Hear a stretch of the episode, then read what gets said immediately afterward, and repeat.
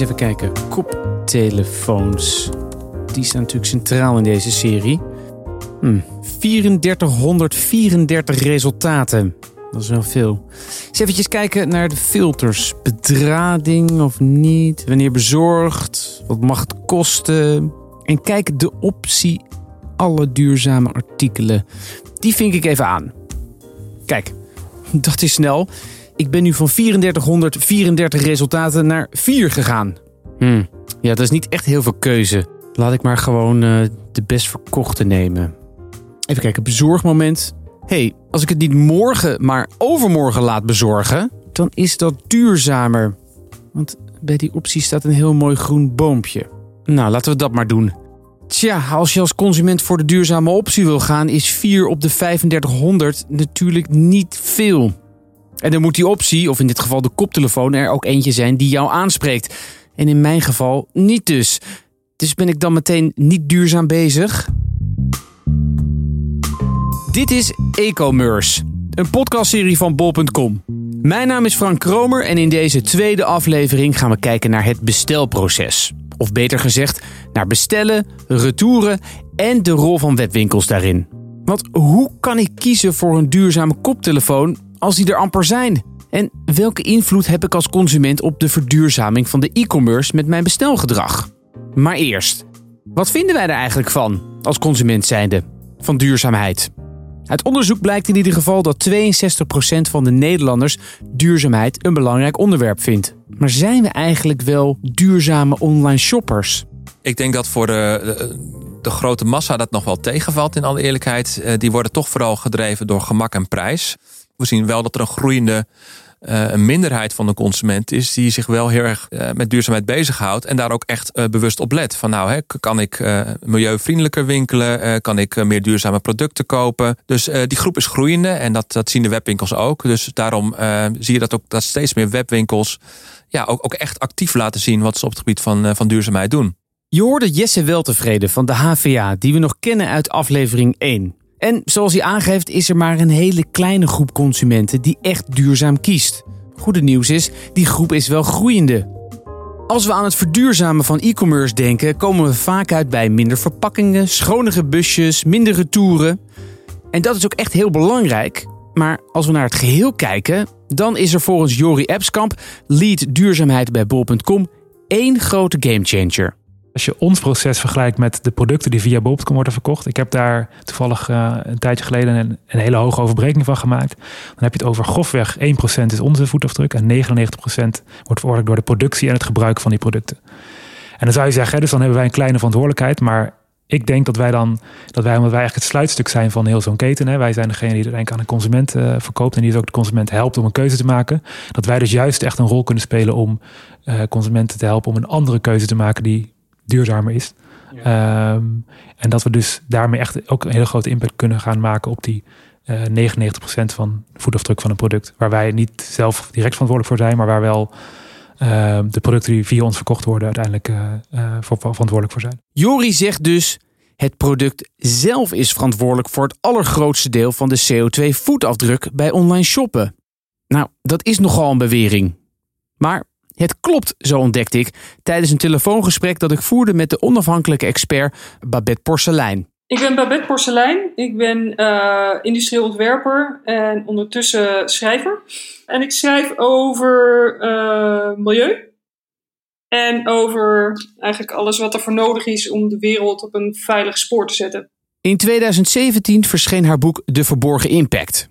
En op de achterflap valt te lezen als je weet waar de grootste problemen zitten, kun je pas echt effectief verduurzamen. Als we nadenken over verduurzamen, dan kijken we vooral naar uh, wat er misgaat in eigen land tijdens gebruik. Dus vooral naar CO2-uitstoot.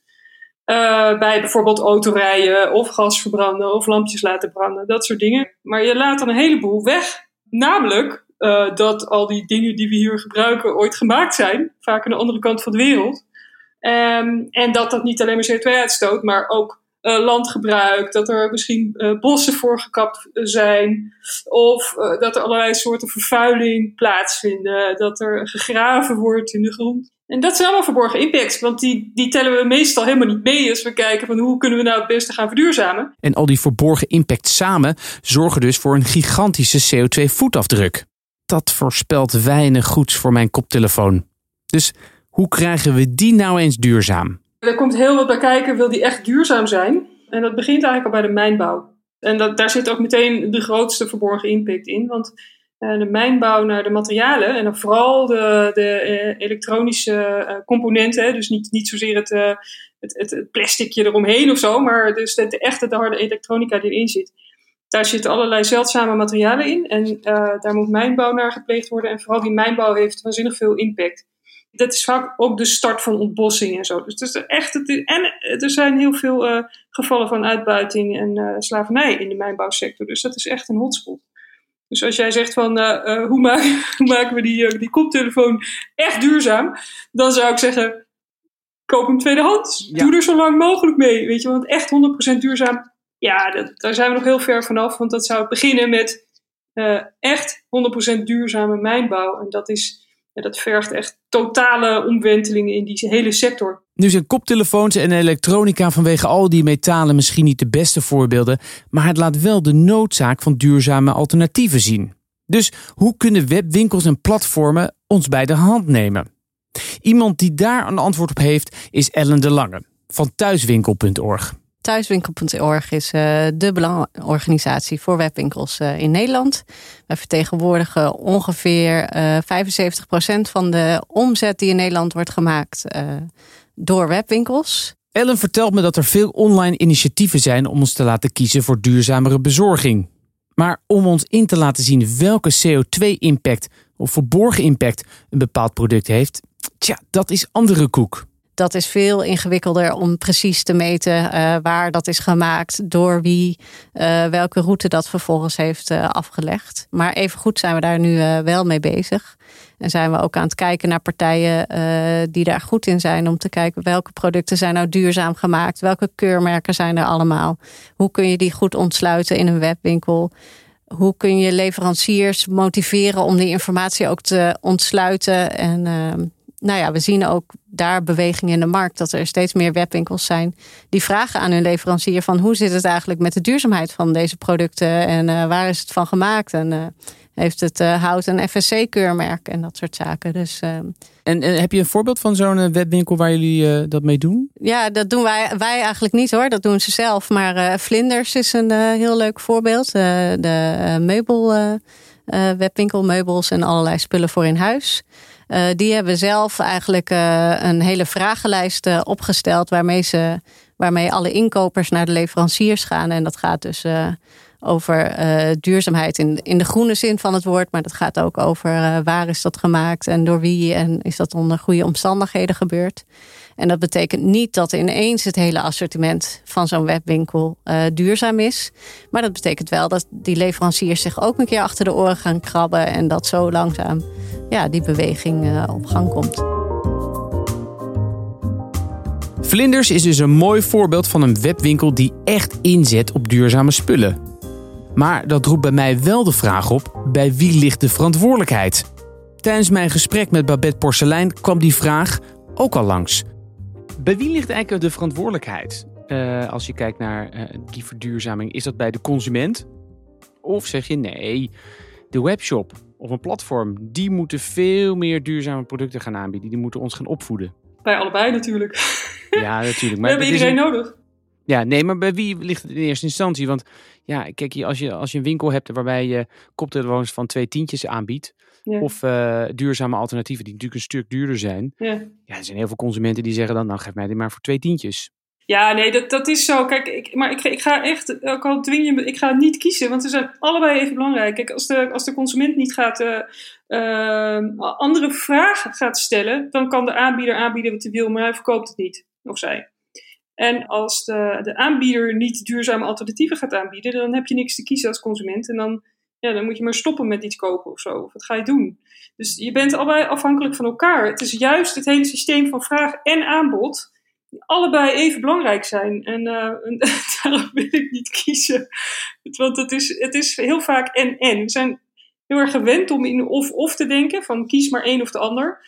ja, dan, dan neem je in feite de verantwoordelijkheid ook weg bij de ander. Hè, want dan gaan mensen naar elkaar wijzen, ja, zie je wel, uh, die, die is aan zet, dus ik hoef niet. Nee, dat, dan, dan komen we er niet. We hebben allebei nodig. We hebben dus een gedeelde verantwoordelijkheid. Bol.com pakt die handschoen in ieder geval zeker op. Op het platform heb je een optie namelijk die je kunt aanvinken waardoor je alleen maar duurzame alternatieven krijgt. Maar ja, als we naar koptelefoons kijken, wordt mijn keuze uit een kleine 3500 teruggebracht naar 4. Dat is niet heel veel. Ja, en dat verschilt gewoon een beetje per, productgroep. Dus wat wij nu doen, is dat we eerst proberen de baas te fixen. En dat houdt eigenlijk in, we hebben 10.000 verschillende soorten producten. En we willen voor al, elk van die 10.000 producten willen wij eind volgend jaar uiterlijk een duurzaam alternatief aanbieden. En we zitten nu op 52% ongeveer. Dus bij headphones, nou, daar hebben we blijkbaar bieden daar al een duurzaam alternatief aan. Ja, dat is, um, dat is voor mij drie of vier heb je er. Ja. Maar als ik gewoon een koptelefoon intoets, nou, en dan krijg ik een hele lijst met allemaal verschillende koptelefoons, dan zie ik hem niet. Heb je dan niet een rol meer ook als, als platform dat jullie zeggen, ja, we willen die footprint kleiner maken, dus dat je dat wat meer pusht? Van... Ja, ja nee, dat doen, dat doen we ook wel hoor. Dus bijvoorbeeld met uh, campagnes op, uh, op uh, moederdag cadeaus die alleen maar duurzaam zijn, of voor Sinterklaas campagnes van duurzame artikelen. Um, ja, afhankelijk van het moment van de dag uh, waarop je in onze app zit, zou je bijvoorbeeld een, een hele grote banner met duurzaam assortiment kunnen tegenkomen. Dat, dat wisselt natuurlijk de hele tijd. Hè? Maar je moet je wel voorstellen dat wij in totaal 32 miljoen producten verkopen als bol.com. En dan kan het dus zijn dat als jij op een bepaald moment van de dag in onze winkel zit, dat je dan ja, niet toevallig, toevallig dan niet die banner langs ziet komen. Ja. Uh, en dat is nog niet iets wat vast altijd overal bovenaan staat, om het zo maar te zeggen. Die lijst, hè, laten we zeggen de top 100 koptelefoons, dat wordt uh, samengesteld door een algoritme. Ja, volgens mij wel. En dat is gewoon weer op basis van hoe vaak het verkocht is, of hoe vaak consumenten erop ja. klikken. Ja, en we, we, zijn nu, en we zijn nu echt wel actief aan kijken. Dus we willen eerst die basis fixen. Dat is namelijk zorgen dat we überhaupt een aanbod hebben. Nou, daar zijn we nu een heel eind mee. En nu is dan de, het moment, want we hebben dat aanbod, om ook te gaan kijken hoe we dat aanbod nog beter in de etalage kunnen zetten. En hoe we dat uh, nog meer onder de aandacht kunnen brengen. Dus dat, dat is wel waar we nu mee bezig zijn. Er wordt dus zeker nagedacht over duurzame alternatieven in de e-commerce. Zo zijn ze bij bol.com met algoritmes in de weer. Maar de vraag is, is het genoeg? Moeten webwinkels en platformen niet nog een actievere rol hebben? Ellen de Lange van de branchevereniging vindt van wel. Ja, ik denk dat, dat die rol best wel wat groter mag zijn uh, dan, dan wat je nu ziet. Dus uh, dat er inderdaad een duurzaamheidsfilter is, uh, vind ik op zich een mooie eerste stap. Hè? Want dat betekent dat Bol ernaar heeft gekeken voor welke koptelefoon kunnen we wel zeggen dit is duurzaam en dat niet. En dat is al een hele ingewikkelde stap. Want Bol is een platform of een retailer. Uh, die hebben daar in principe niet alle kennis voor. Dus, dus voor een retailer is dat, is dat een heel nieuw domein wat je, wat je aanspreekt om daarop uh, selecties uh, mogelijk te maken. Maar voor mij mogen ze dat wel wat meer pushen en, en dat duurzaamheidsfilter bovenaan zetten. Of sowieso de duurzame producten bovenaan zetten.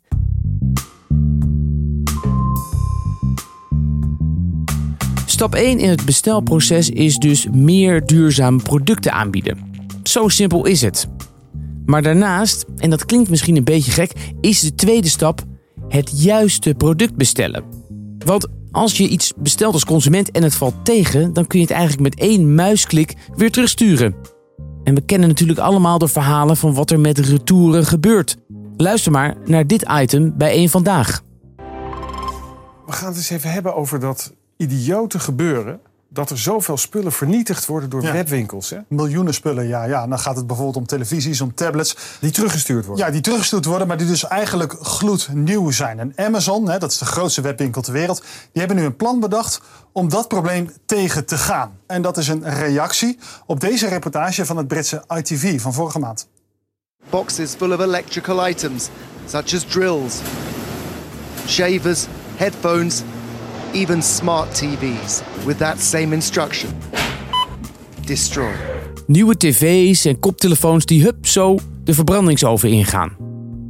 Als dat de praktijk is, ja, dan zijn we wel heel snel klaar met duurzaamheid. Tijd dus om zelf even een kijkje te nemen in Waalwijk, waar alle teruggestuurde pakketjes van bol.com terechtkomen. Daar spreek ik met Vincent Weijers, de Chief Operating Officer van het platform. Ja, we staan nu in het uh, bol.com retourencentrum. Dus hier komen in principe alle retouren binnen. En worden ze uitgezocht, eventueel schoongemaakt, opnieuw verpakt en uh, opnieuw klaargemaakt voor de verkoop. Ja. En ik ben toch wel benieuwd, waar is die verbrandingsoven? Want iedereen ziet dat die beelden van pakketjes die terugkomen, die gaan de oven in. Dus waar staat die? Wij gooien niks weg eigenlijk. Nee, nee? wij gooien echt vrijwel niets weg. Zo uh, 70% kan eigenlijk meteen weer op voorraad. Uh, of naar hele kleine bewerking. En dat wat niet meteen op voorraad gaat, dat gaat ofwel via retourdeals die we ook hebben via onze winkel. Of op een andere manier waar iets mee is. Worden nog alsnog verkocht. En in uiterste geval is ook gedoneerd. Uh, dus nee, wij gooien eigenlijk vrijwel niks weg. Maar toch heel veel mensen denken, ja, dat is nou dat nadeel van e-commerce. Mensen bestellen of te veel of te snel en dan sturen ze het weer terug. Ja, dus dat, dat, dat klopt. Hè. Dus in een aantal uh, producten zie je, met kleding bijvoorbeeld, zie je dat mensen vaak meerdere dingen bestellen en dan terugsturen. Voor de rest, moet ik eerlijk bekennen, zijn het enkele procenten. Dus het is echt niet zoveel als mensen denken. In ieder geval niet bij ons. Nee. nee. Daarom hebben we dit ook zo dicht bij onze warehouses staan. Omdat het, ja, als we dat op een andere plek in het land zouden gaan verwerken, ja, dan zou het wel heel inefficiënt zijn en ook niet zo duurzaam om dingen door heel Nederland heen te rijden voordat ze weer op voorraad kunnen.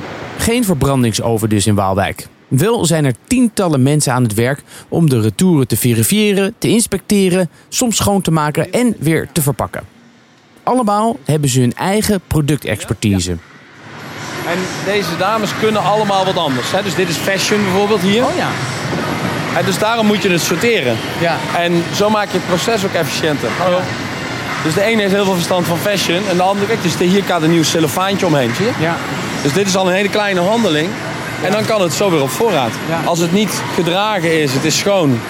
Toch, als we het puur zwart-wit financieel bekijken, zeg maar, als we denken aan kosten versus baten, dan is het gemiddeld genomen goedkoper om de producten, zoals mijn koptelefoon, weg te gooien, dan al die tientallen mensen aan het werk te houden.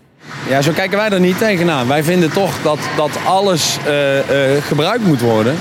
Uh, dus daarom investeren wij ook in dit soort processen om ervoor te zorgen dat het, dat het niet weggegooid hoeft te worden. En als je nou merkt dat je op een gegeven moment heel veel telefoonhoesjes terugkrijgt, gaat dan hier een belletje af? Ja, dus de, je ziet de dames hebben een touchscreen hier, dus die voeren in wat ze zien. En daar zit vaak ook bijvoorbeeld een retourreden bij van de klant. Soms geeft de klant die op of soms zien we die hier. En die gebruiken we om de informatie op onze website te verbeteren. Want uh, in een winkel pak jij een product vast en dan weet je wat je koopt. Uh, bij een webshop moet jij je keuze maken op basis van de informatie die je op de website ziet. Dus hoe beter die informatie is, hoe meer retouren je voorkomt. Als wij de verkeerde kleur op de website zetten, ja, dan stuur jij het terug. Maar dat wist ik eigenlijk al toen je het kocht. Dus dan moet ik zorgen dat ik die informatie beter maak. Dus hier, hier doen we ook heel veel kennis op om juist weer de website te verbeteren. Dus daarom is dit eigenlijk ook een heel waardevol proces. Het is niet alleen een proces om zeg maar retouren weer te verwerken.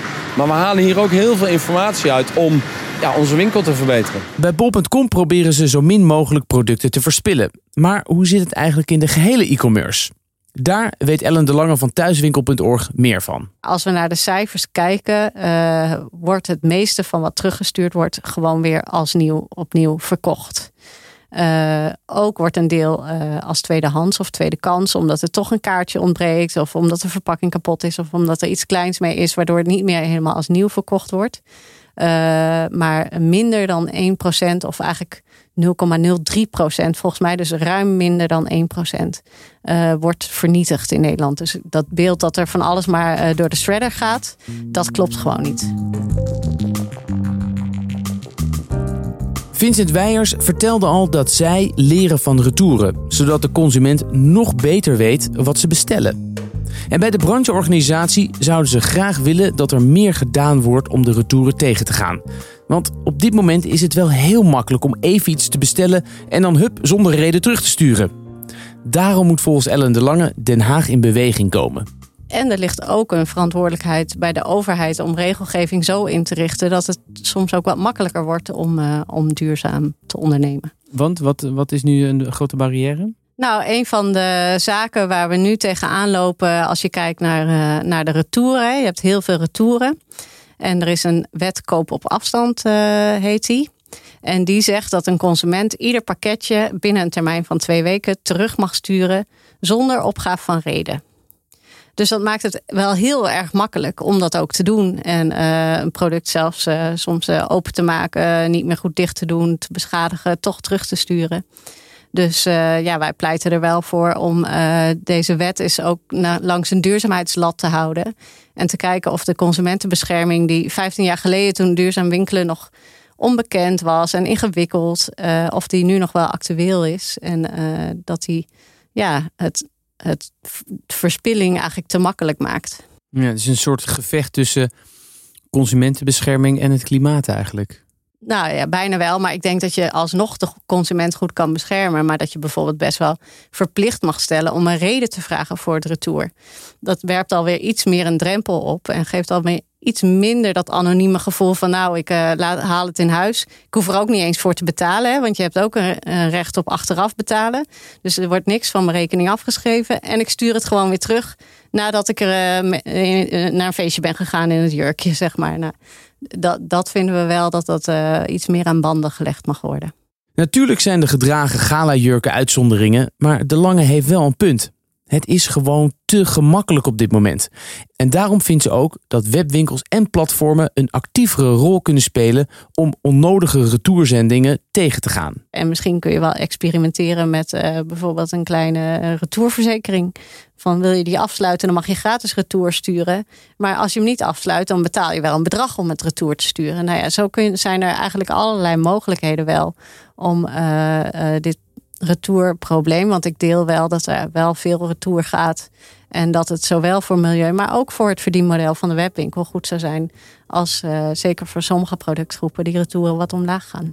Kortom, willen we de e-commerce verduurzamen, dan begint het bij duurzamere producten, duurzamere alternatieven aan te bieden. Oftewel meer gerecyclede spullen. En daarnaast is het belangrijk dat we samen, dus consument, webwinkel en overheid, ervoor zorgen dat de retouren naar beneden gaan. Want ook al wordt er niks vernietigd en gaan bijna alle retouren weer opnieuw de winkel in, die bestelbusjes met al onze pakketjes moeten wel de hele tijd heen en weer rijden. Over die busjes en de verzending van pakketjes gaan we het hebben in aflevering 3 van e-commerce. Want hoe kan dat groener? Mijn naam is Frank Kromer. Dag.